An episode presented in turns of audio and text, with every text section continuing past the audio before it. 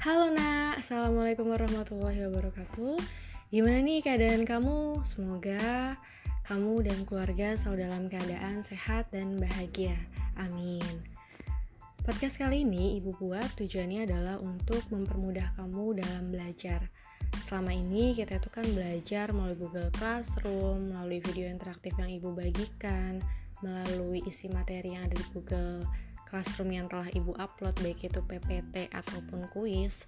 Nah, kali ini kita akan mencoba gaya belajar model baru yaitu menggunakan podcast.